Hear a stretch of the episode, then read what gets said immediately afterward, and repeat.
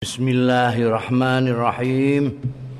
Qala al-muallif rahimahullah wa nafa'ana bihi wa bi ulumihi fid dharain amin. Babu karahiyati darbin nisa. Bab ora disenengine dimekruhake mukul wong-wong wadon, bojo-bojo wadon. Wa an Abdullah ibn Zam'ah min Nabi sang Kanjeng Nabi sallallahu taala alaihi wa alihi wasallam. Kala dawuh sapa Kanjeng Nabi sallallahu taala alaihi wa alihi wasallam La yajlidu ahadukum ora kena. Mukul jilid nyemeti sapa ahadukum salah siji ro kabeh imraatau ing bojone ahadukum. Jaldal abdi kaya dene mecuti budak. Sumayu jami'u mongko keri-keri jimak sapa ahadukum ing mar'ah. Fi akhiril yaum ing dalem akhire dina. Esuk mbok sabeti bengi mbok anu mbok iku kelakuan ngono kelakuan apa kan? Hak pareng iku. Ya iku KDRT oh tidak boleh tidak boleh. Wong wedok itu kawan seiring ya garwa sigare nyawa. Kalau sudah diakad jadikan satu dengan misakun ghalin. Quran disebutkan misakun ghalin.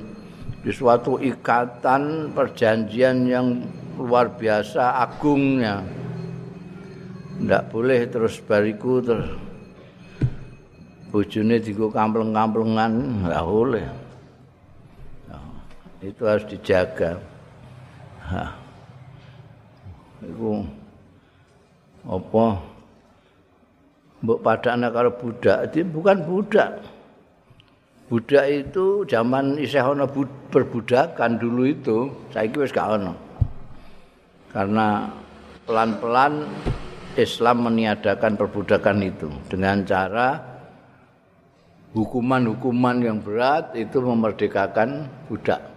Akhirnya budak-budak sudah merdeka. Terus sekarang nggak ada. Dulu zaman perbudakan itu yang jenenge abdu atau amat budak lanang atau budak wedok itu ya kaya barang binatang. Mbok kamplenge sak karepmu mbok saduki ya kono. Eh meh padha karo sapi ya lumayan sapi. Sapi mbok keloni bareng. Jadi bukan budak Orang-orang itu masih primitif anak isih ana wong lanang kok naboki bojo itu berarti primitif. Ya. Nasibe sing wedok untuk bojo primitif. Mulane kudu delok sik potongan potongan primitif apa ora. Potongan primitif ku ketok potongane iku. Yo gelem ya. Apa nggo tabuk-tabukan bangkune. Hmm. Pagi sekarang ini zamannya emansipasi. Wah, wong wedok ora gelem kalah mbek sing lanang. Ya. Wani terus diwaneni gelutan. Oh saiki ana petinju wedok barang ngono. Untuk bojo petinju wedok kowe gak ngerti mbok kuwaplak diles kowe dijuwoto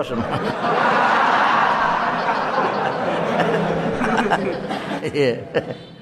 Iya saiki akeh cah wedok iso tinju, iso silat, taekwondo, karate, barang biasa. Main-main kowe. Iku lawas iku nek lanang terus nglanang menang-menangan medek-medekno lanang iku. kuno pekek primat primitif. Babul ghirah. Bab ghirah. Ghirah itu bahasa jawane buta repan. Bahasa Indonesia ini yang lebih terkenal cemburu. Cemburu ghirah. Tidak mau berbagi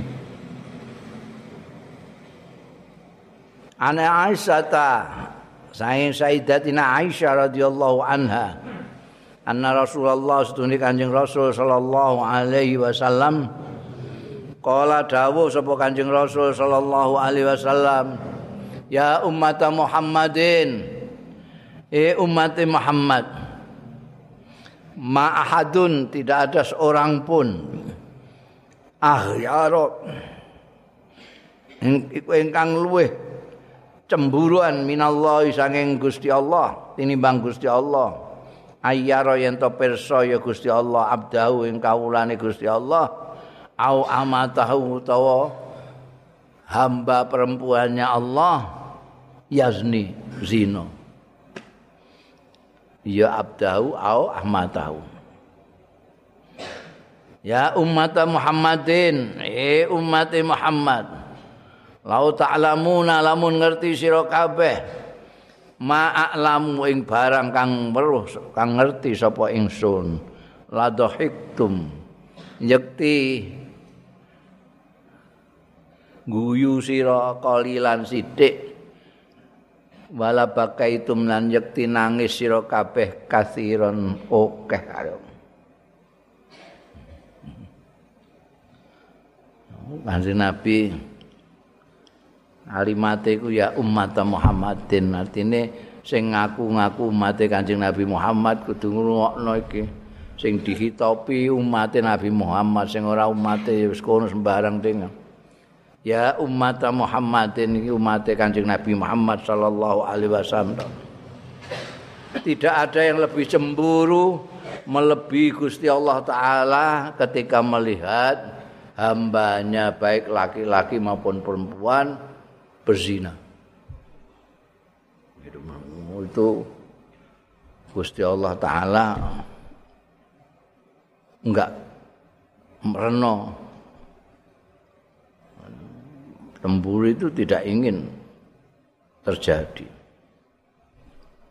Nanti Nabi meden-meden ini kalau lau ta'lamu nama a'lam la dohiktum qalilan malah bakaitum kasir. Anda kok kalian itu tahu apa yang saya ketahui. Kalian tentu akan sedikit tertawa, banyak menangis. Melihat kayak apa ngerinya orang hukumannya orang yang berzina. Itu ngeri. Kamu gak roh sih. Nah, roh kayak aku, masya Allah, gak bisa guyu gue. Guyo sithik nangis terus. Kanjeng Nabi besok kabeh. Kok Isra Mi'raj kan kan dinti Kanjeng Nabi itu. Ngerti iki kelakuane wong medit ini kelakuane wong pezina ini kelakuane wong ngombe. Ana kabeh diperlihatkan pada Kanjeng Rasul sallallahu alaihi wasallam untuk memperingati kau apa umat-umatnya. Ini antara lain iki. Ma ahadun ahyar minallah ayyara abdau ahamatau yazni. Bab isti'zanil mar ahlil masjid. Bab njaluk izine wong wedok lil masjid marang masjid. An Abdullah bin Umar saking sahabat Abdullah bin Umar bin Khattab radhiyallahu anhuma anin nabi saking kanjeng nabi sallallahu alaihi wa alihi wasallam qala dawuh sapa kanjeng nabi sallallahu alaihi wasallam idza sta'zanat dat kalane njaluk izin sapa imraatun bojo wedok akadik Iza sta'zanat timra'atu akadikum Nalikane njaluk izin sapa wedok ira kabeh, bojo ira kabeh, bojone salah siji ira kabeh ngono. imra imraatu ahadikum bojone salah siji ro kabeh. Njaluk izin ilal masjid marang masjid. Fala yamnaha mongko aja nglarang ya ahadukum ha ing imraa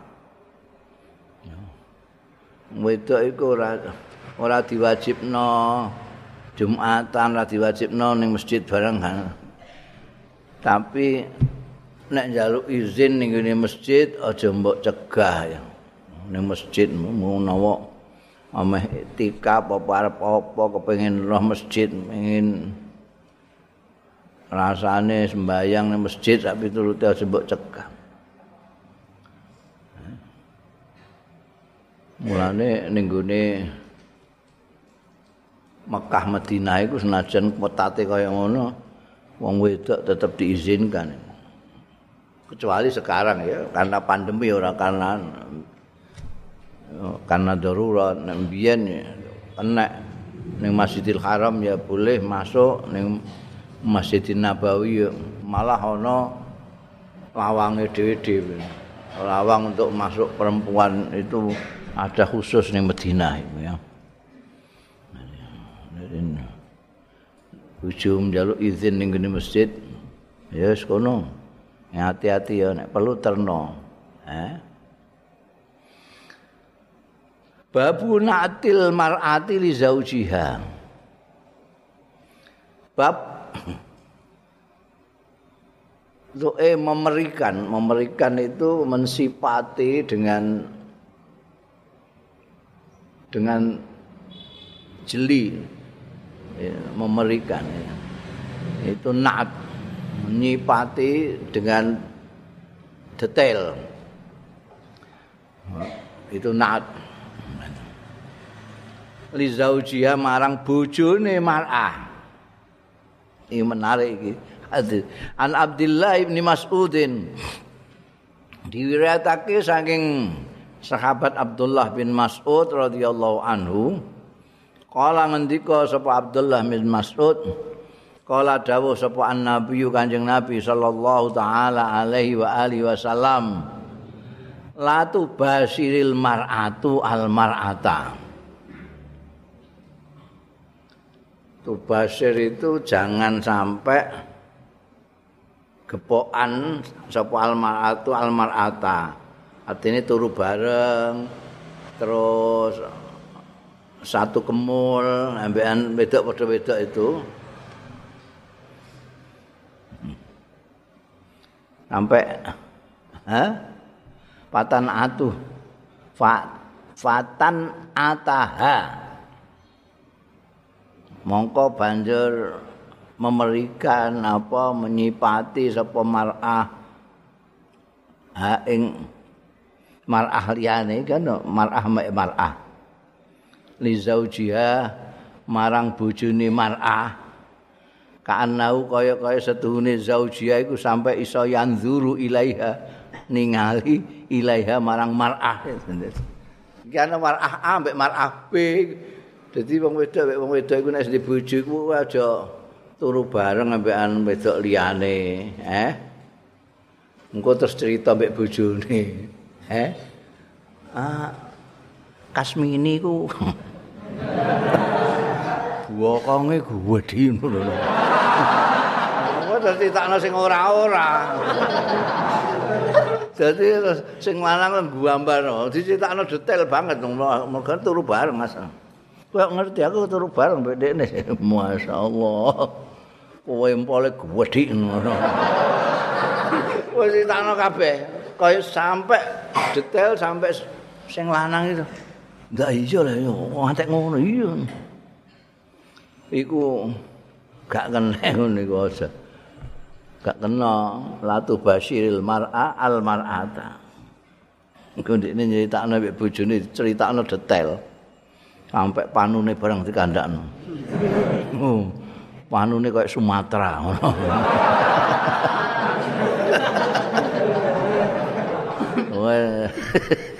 Sake kok sampai detailnya ngono ya Kanjeng Nabi itu bagaimana menjaga supaya kehidupan bermasyarakat kehidupan sosial itu harmoni, tidak gaduh, tidak anu ya. Menjaga kehormatannya perempuan dan dijogo banget. Sampai kantok turu bareng. Hmm.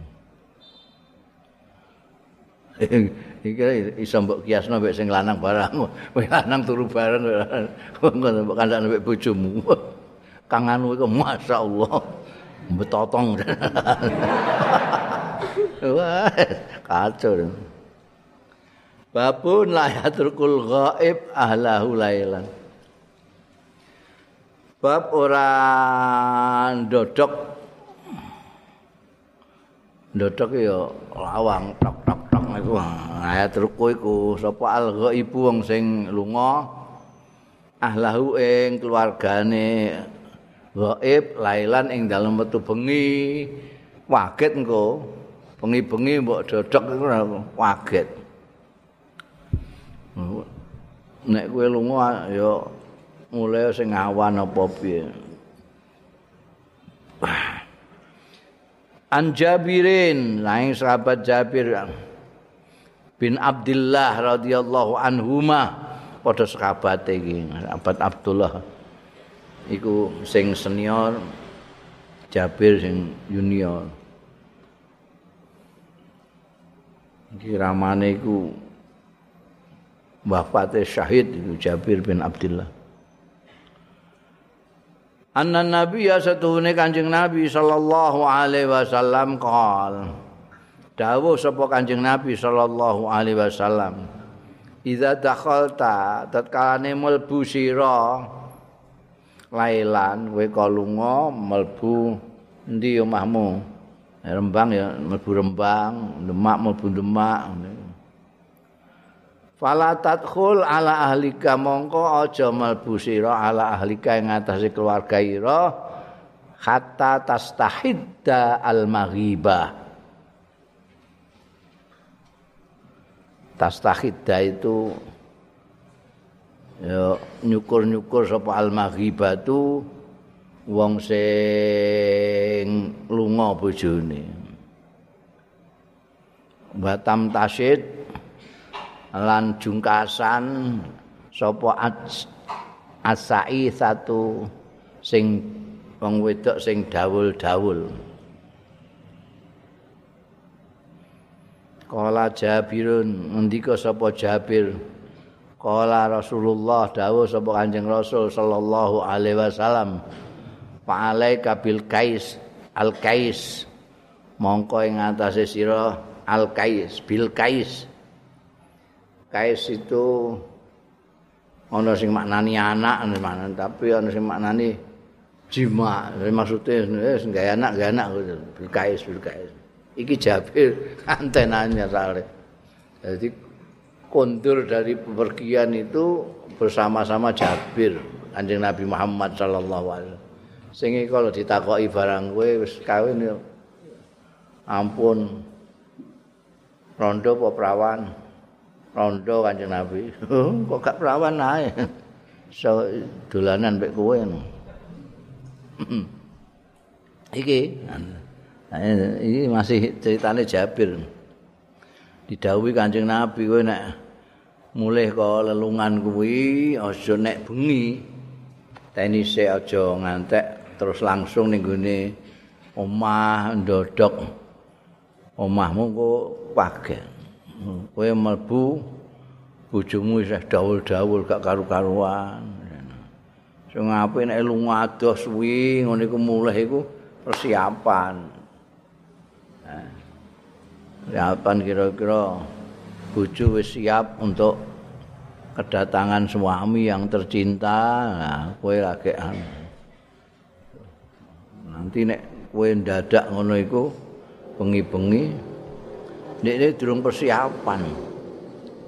Durung persiapan. Wong wedok iku persiapane suwe. Nah terus piye? Oh turu langgar apa masjid sih? eh, enteni awane lak iso, coba langsung bengi-bengi. Nah ya. Wah saiki malah kepenak saiki, WA Aku wis tekan anu lho. kowe ndang macak ngono wajah aku teko kowe ndang isih gedodoran rambutem dawul-dawul itu anjing nabi itu luar biasa ini. Nek mbok gambarnya beliau itu dengan sahabatnya yang masih muda. Ngramane iki sahabat Abdullah itu sing sak ndure sing sak pantaran wek Kanjeng Nabi gacek sithik. Tapi nek Jabir iki sak ngisore wong putrane Abdullah. Akhir kawin, dadi mulane dikandani kok nek kowe mlebu langsung roh bojomu daul-daul kowe ya gak pati seneng. Bojo kok dadi kaya totot kerot ngene. nek bojomu ngerti wis siap-siap segala macam. Anggo wangi-wangi barang kuwi mlebu omah to seneng. Ya. Iku diwarai Kanjeng Nabi Abad Jabir itu. Karena antena anyar antena nek anten lawas rasa dikandani. Anten lawas iku sak keneke ngono ae Alaika bil kais mulai nah, tulisannya bab alaika bil kais ya. Kais ya. Dang di anak, dang di anak ngono.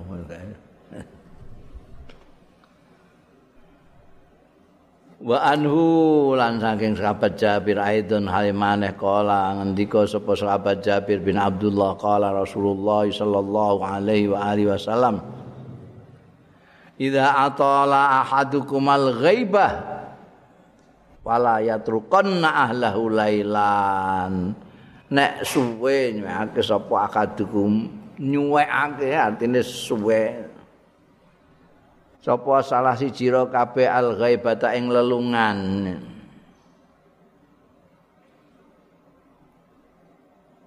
Wala apa apa mbok tinggal umroh apa tinggal ning dine pokoke suwi lah Walayat trukonna mongko aja ndodok temenan akadukum ahlau ing keluargane bojone akadukum lailan ing dalem wektu bengi. Ya iku mau nek ngagetno tengah wong inteni wek mulih ya dipasno anu nek kowe lungone suwi golek wektu sing awan apa sore aja ngantek tengah wengi kowe lagi ndodok. Iku nanti wong wedok kadang-kadang terus curiga kon dia kok ngantek yahe? Nah, awan kan ora ana bundel babu kafilil yatim bab pengampu anak yatim. Yang memelihara anak yatim. Kafil yatim yang memelihara anak yatim. An Sahlib As-Sa'idi, An Sahlin As-Sa'idi qala andika Sahl As-Sa'idi qala dawuh sapa Rasulullah sallallahu alaihi wasallam ana utawi insun wa kafilul yatim lan pemelihara pengampu anak yatim fil jannati ing dalem swarga iku hakaza. Hakaza.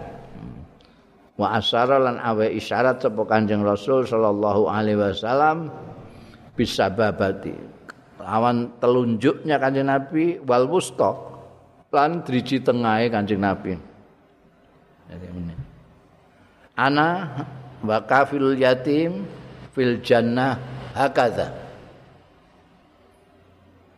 wa farraja bainahuma lan benggangno sithik sapa Kanjeng Nabi bainahuma antarane as-sabab wal wusta sayan sithik. Jadi Kanjeng Nabi nganggo isyarat gini. Ana wa kafil yatim fil jannati hakadha. Hakadha. Beriringan dudono betapa mulianya orang yang memelihara anak yatim itu. Karena nanti di surga bersanding dengan Rasulullah sallallahu alaihi wasallam. Ini kanjeng Nabi Muhammad sallallahu alaihi wasallam itu penyantun, penyayang terutama terhadap anak-anak yatim. Ya, anak yatim rondo-rondo itu kanjeng Nabi itu sangat perhatian sehingga umatnya juga diberi tahu bahwa nanti itu orang yang mau mengampu, mau memelihara anak yatim di surga dengan saya seperti ini. Sama-sama. Nah, saiki itu sono Darul Aitam, Darul Khadonah barang itu kan. Kepingine bareng Kanjeng Nabi Muhammad sallallahu alaihi wasallam karena memelihara anak yatim ya. babul mutawaffa anha zaujuha bab wong sing mati anha saking al sapa zaujuha bojone al mutawaffa wong wedok kepaten bojo maksude ngono. An Zainab binti Abi Salma Saking Zainab bin Abi Salma Qalat dakhaltu ala Zainab binti Jahsin. Zainab binti Abi Salma ini putri walone Kanjeng Rasul sallallahu alaihi wasallam. Karena kita tahu Kanjeng Nabi kagungan garwa seorang janda Ummu Salamah. Ummu Salamah kawin dengan Kanjeng Nabi itu setelah suaminya meninggal sudah punya anak Zainab. dan Zainab itu putri Walon, putri eh, istilah Walon itu apa? Tiri. Hmm, ada tiri. Ini yang cerita Zainab binti Abi Salamah ini.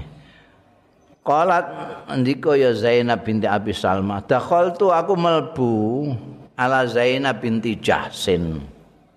Iki garwane Kanjeng Nabi. Ing atase Zainab binti Jahsin khina tuwfiya akhuha nalikane kapundhut sapa akhuha dulur lanange Zainab binti Jahsin Fadaat mongko mundut. Jaya aku jikukno daat iku ngono. Fadaat mundut sapa Zainab binti Jahsin biti bin kelawan pewangen parfum. Famasat minhu mongko gepok dulit sapa Zainab binti Jasin minhu saking tip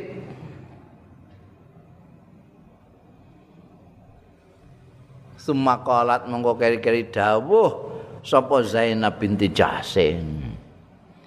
Ama wallahi eling-eling demi Allah mali bitibi min haja. Ora ana iku keduwe ingsun bitibi kelawan wewangen min hajatin apa hajat? Sesuatu hajat pun. Ghaira anni mung wae setuhune ingsun. Sami tu iku mireng sapa ingsun? Rasulullah ing Kanjeng Rasul sallallahu alaihi wasallam. Yaqulu ingkang dawuh ya Kanjeng Rasul sallallahu alaihi wasallam alal mimbari ngatasé mimbar la yahillu li imra'atin tu'minu billahi wal yaumil akhir anta hidda ala mayyitin fauqa salasi layalin illa ala zaujin arba'ata asyurin wa asra layakhilu ora halal li imraatin tumrape wong wadon tuk minu sing iman ya imraah billahi kelawan Gusti Allah wal yaumil akhir lan dina akhir. Apa sing ora halal? Antahidda yen to berkabung. Cara jawane berkabung? Ketap-ketap mesti gak ora kowe. Ya sekarang ya cara Indonesia gak apa-apa. Berkabung. Ala mayyit ning atase mayit fauqa salasilayalin punjul telung bengi. Illa ala zaujin kecuali berkabung atas suami. Nek atas suaminya sendiri berkabungnya arba'ata ashurin wa asron patangulan sepuluh dino itu karuan kancing Nabi Muhammad sallallahu alaihi wasallam jadi apa senengi bagaimana taatnya terhadap ajaran Kanjeng Rasul sallallahu alaihi wasallam bisa kita ketahui dari ceritanya Zainab binti Abi Salma yang mendengar dari Zainab bintu Jahsin. Jadi dulu ranange Zainab bintu Jahsin itu kapundut. Berkabung lah. Berkabung itu oh ya orang maca, orang kayak biasane, ndak pakai wangen-wangen, namanya berkabung. Bila sungkawa. Bila sungkawa ya kowe gak ngerti cara. Bila sungkawa terhadap saudaranya ini. Tapi dilihat oleh Zainab bintu Abi Salma, dia kok minta parfum pada waktu itu. Terus didulit wangen itu. Saya sebetulnya sama sekali tidak ada, wallahi saya tidak ada kepentingan sama sekali dengan parfum ini. parfum gopo. Jadi tidak tidak penting-penting sekali. Cuma saya pernah mendengar Kanjeng Rasul sallallahu alaihi wasallam dawuh wong wedok sing iman karo Gusti Allah lan dina akhir iku ora halal nek ngantek berkabung punjul telung dina. Jangan sampai tadi mbah dulure mbah sapa wae lah sing kapundhut itu di antara kerabatnya keluarganya. itu hanya tiga malam boleh. Artinya gak gak gelem maca, gak jungkasan, apa meneh apa nganggo wangen-wangen lipstick barang. Ora, tiga hari saja. Yang menunjukkan bahwa dia sedang bela sungkawa terhadap orang yang meninggal itu. Ini pada yang meninggal saudaranya sendiri, saudara kandungnya Zainab binti Jahsin. Tidak sampai melebihi tiga hari karena dawai kancing Nabi layak itu. Nek bojone iku berkabung itu sampai dengan sing jenenge wong kene nek ngarani idah-idah barang kuwi lho iku jane berita antara idah sama e, berkabung. Berkabungnya sampai empat bulan sepuluh hari. sambil menunggu apakah apa namanya resik atau tidak perempuan ini mungkin ono janin ono segala macam tapi setelah sempat bulan sepuluh hari sudah jelas tidak. Ini sing kepat mengwedok sing kepaten bojone dim iku sampai empat bulan sepuluh hari. Lah ngono iku wae saiki akeh sing do ngenyang kok. Mergo ana acara-acara arisan barang itu ora. Pengen metu-metu eh, arisan kok ora macak ora jungkasan juga pantes. Dimenangno arisane timbangane aturan ini. Ya, harus khidat selama empat bulan sepuluh hari dulu. Bunda babun nafakat. Bab nafkah, nafkah. An Abi Hurairah ta sayang sahabat Abi Hurairah radhiyallahu anhu. Anna Rasulullah sallallahu taala alaihi wa alihi wasallam qala Qala Allah taala amfik ya ibn Adam umfik alaik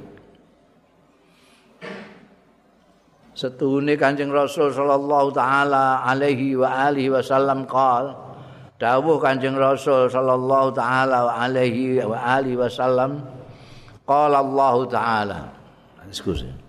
Dawuh sapa Gusti Allah taala? Amfik yabna Adam umfik alaika. Napakahno sira yabna Adam he anak Adam umfik mongko napakahi sapa ingsun alaika ing atase sira.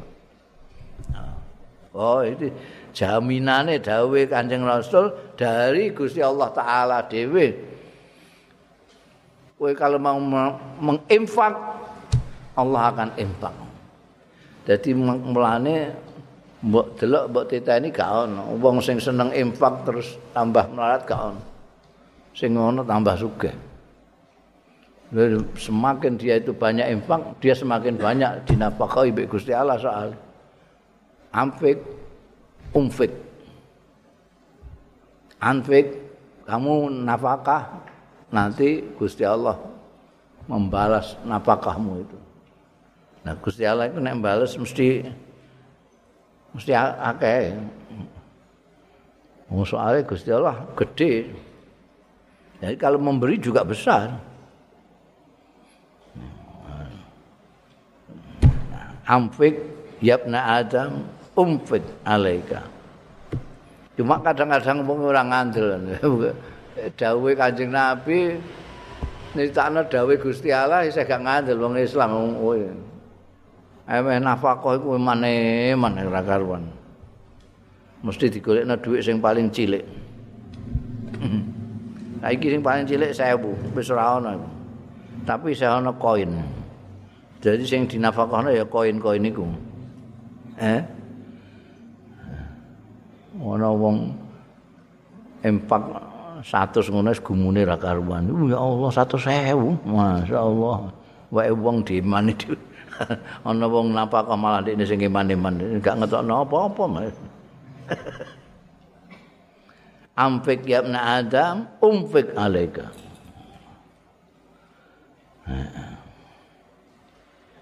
Oh, itu jelas itu jelas. Gusti Allah kadang-kadang kontan. Kontan. Kowe nafkahno sewu ngono enggak suwe wis 10.000 untuk kok Gusti Allah. Min haitsu la yahtasib. Wah, nek gak tahu mbuktekno dhewe kadang-kadang ya orang ngandel. Wis dikandani wong sing mbuktekno ya tetep ora ngandel, dasar bakhil. An Abi Mansur Al Ansari anin Nabi sallallahu alaihi wasallam qala Idza anfaqal muslimu nafaqatan ala ahlihi wa huwa yahtasibuha kanat lahu sedekah. Lah kepenak to, penak banget. Eh? Iki sing ora merasa kepenak iki wong bakhil tok iki. Saking Abi Mansur Al-Ansari saking Kanjeng Nabi dawuh sapa Kanjeng Nabi sallallahu alaihi wasallam. Idza anfaqa nalikane nafakahna sapa al muslimu wong muslim nafaqatan ing nafakah ala ahli ing atase keluargane keluargane itu termasuk bojo anak wa huwa kale utawi muslim iku yahtasibuha. Niat golek ganjaran ya muslim eh, nafkah mau. Kanat mongko ana apa nafkah? Lahu kanggo al muslim iku sedekatan dadi sedekah. Kowe ora usah sedekah ning ndi-ndi, kowe keluargamu dhewe mbok mbok nafkahi iku nek mbok niati golek ganjaran Gusti Allah lillahi taala iku sedekah. Kan enak ya untuk ganjarane kewajiban nafkahi untuk ganjarane sedekah. Jadi uniknya itu ning agama Islam sing diasta Kanjeng Rasul sallallahu alaihi wasallam. Iso.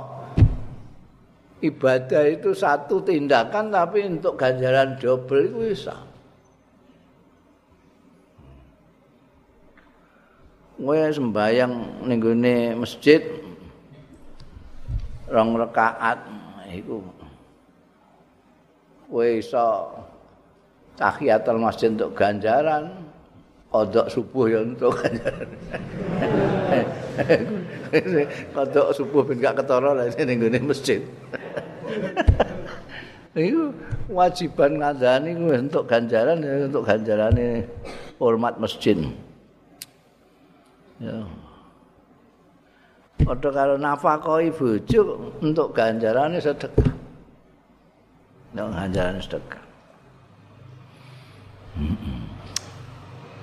Ane pinter-pinteran niat, pinter-pinteran ngatur ya. kowe dagang ning pasar ya untuk badi ya untuk ganjaran nek niatmu bener. Menyambut gawe apa ae nek niatmu bener. Wong mulang guru agama ya mulang agama mulang agama. Padahal guru agama ning sekolah-sekolah itu kan mau mulang bangsane syarat rukune wudu bangsane ngono ta. Eh? Iku ya. Ora mau untuk ganjaran tapi untuk gaji juga. Pengono beslite. Mm -mm.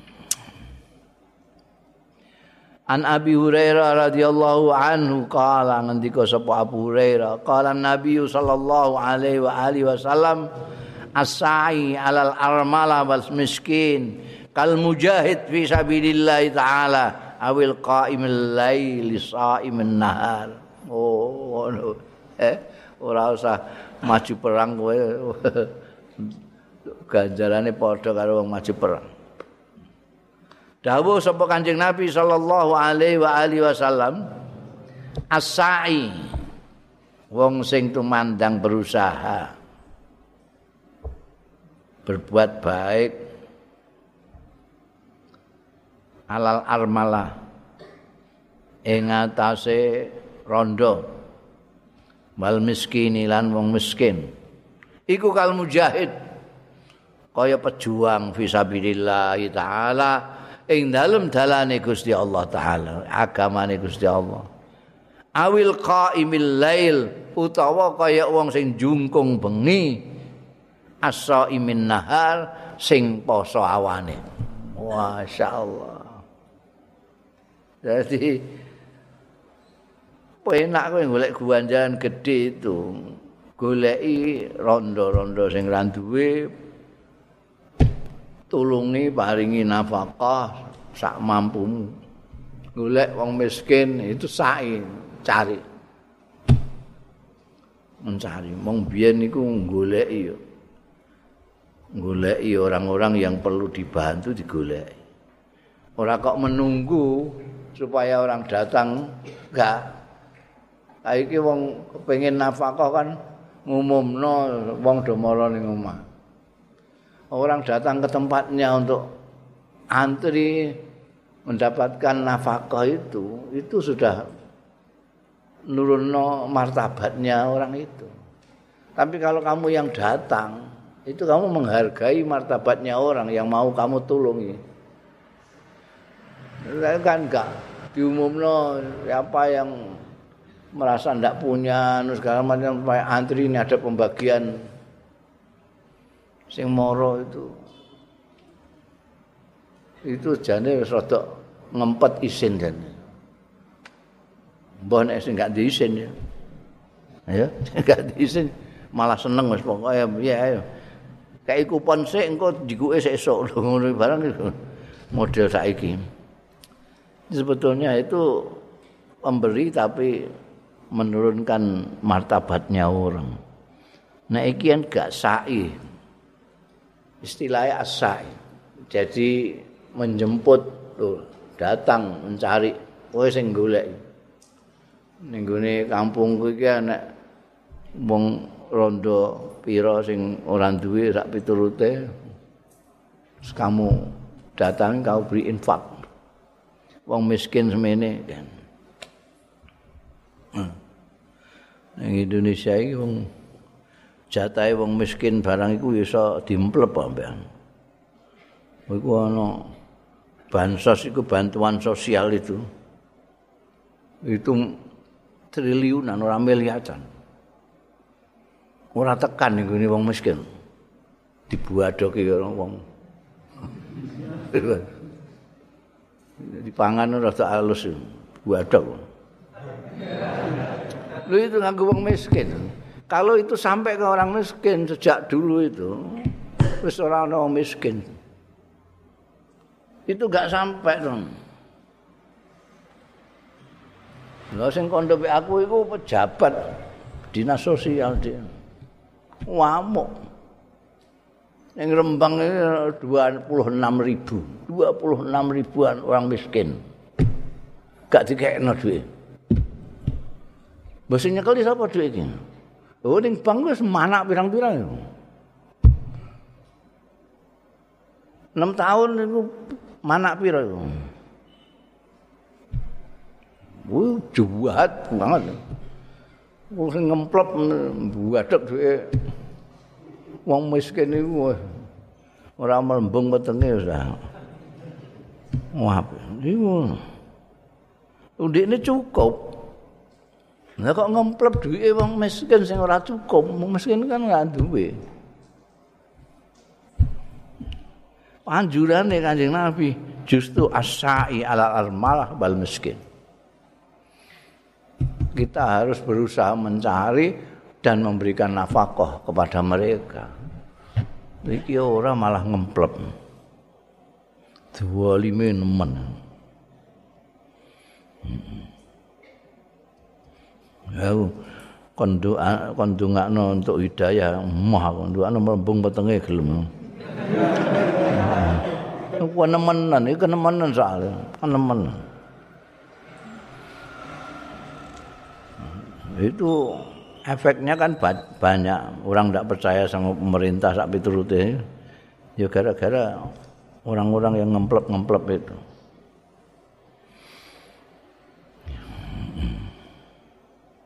Oh iki orang yang mencari rondo atau orang miskin dan orang miskin ya, orang orang atau dan orang miskin untuk diberi nafkah itu pahalanya kayak pejuang yang ikut perang sabilillah itu. Atau kayak kayak orang sing nek bengi jungkung awane poso, jungkung awane poso. Wis rasa kangelan tuh ya.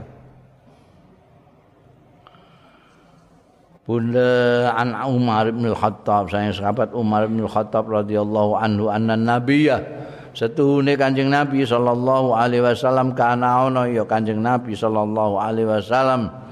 Iku ya biu ngedol sapa Kanjeng Nabi Nakhlabani Nadir. Ing Kormon Bani Nadir wayah bisu lan nyimpen napa Kanjeng Nabi li ahli kanggo keluargane Kanjeng Nabi kutasanatihim ing makanan pokoknya setahune ahlihi ya. Jadi pada waktu perang Khaybar itu Bani Nadir itu sebetulnya wis gelem apa damai. Wis gelem damai karo orang-orang Islam. Mereka itu punya buenteng tinggi ning jabane nek kebon kurma sing api-api itu kurma Khaybar itu. Itu mereka yang memang ahli tanaman-tanaman kurma itu orang-orang apa Yahudi Bani Nadir Bani Quraidah itu memang ahli-ahli dalam tanaman nakhl apa sini kurma. Kurma ambekan eh, anggur. Mereka sudah mau damai tapi diuji-uji karo Abdullah bin Ubay bin Salul rajane munafik itu akhirnya gak gelem terus nentang ya, ini kan Kanjeng Nabi kan di perjanjian di Madinah itu hidup bersama-sama dengan damai itu. Iki wong Bani Nadir iki khianat terhadap perjanjian itu. Nah, akhirnya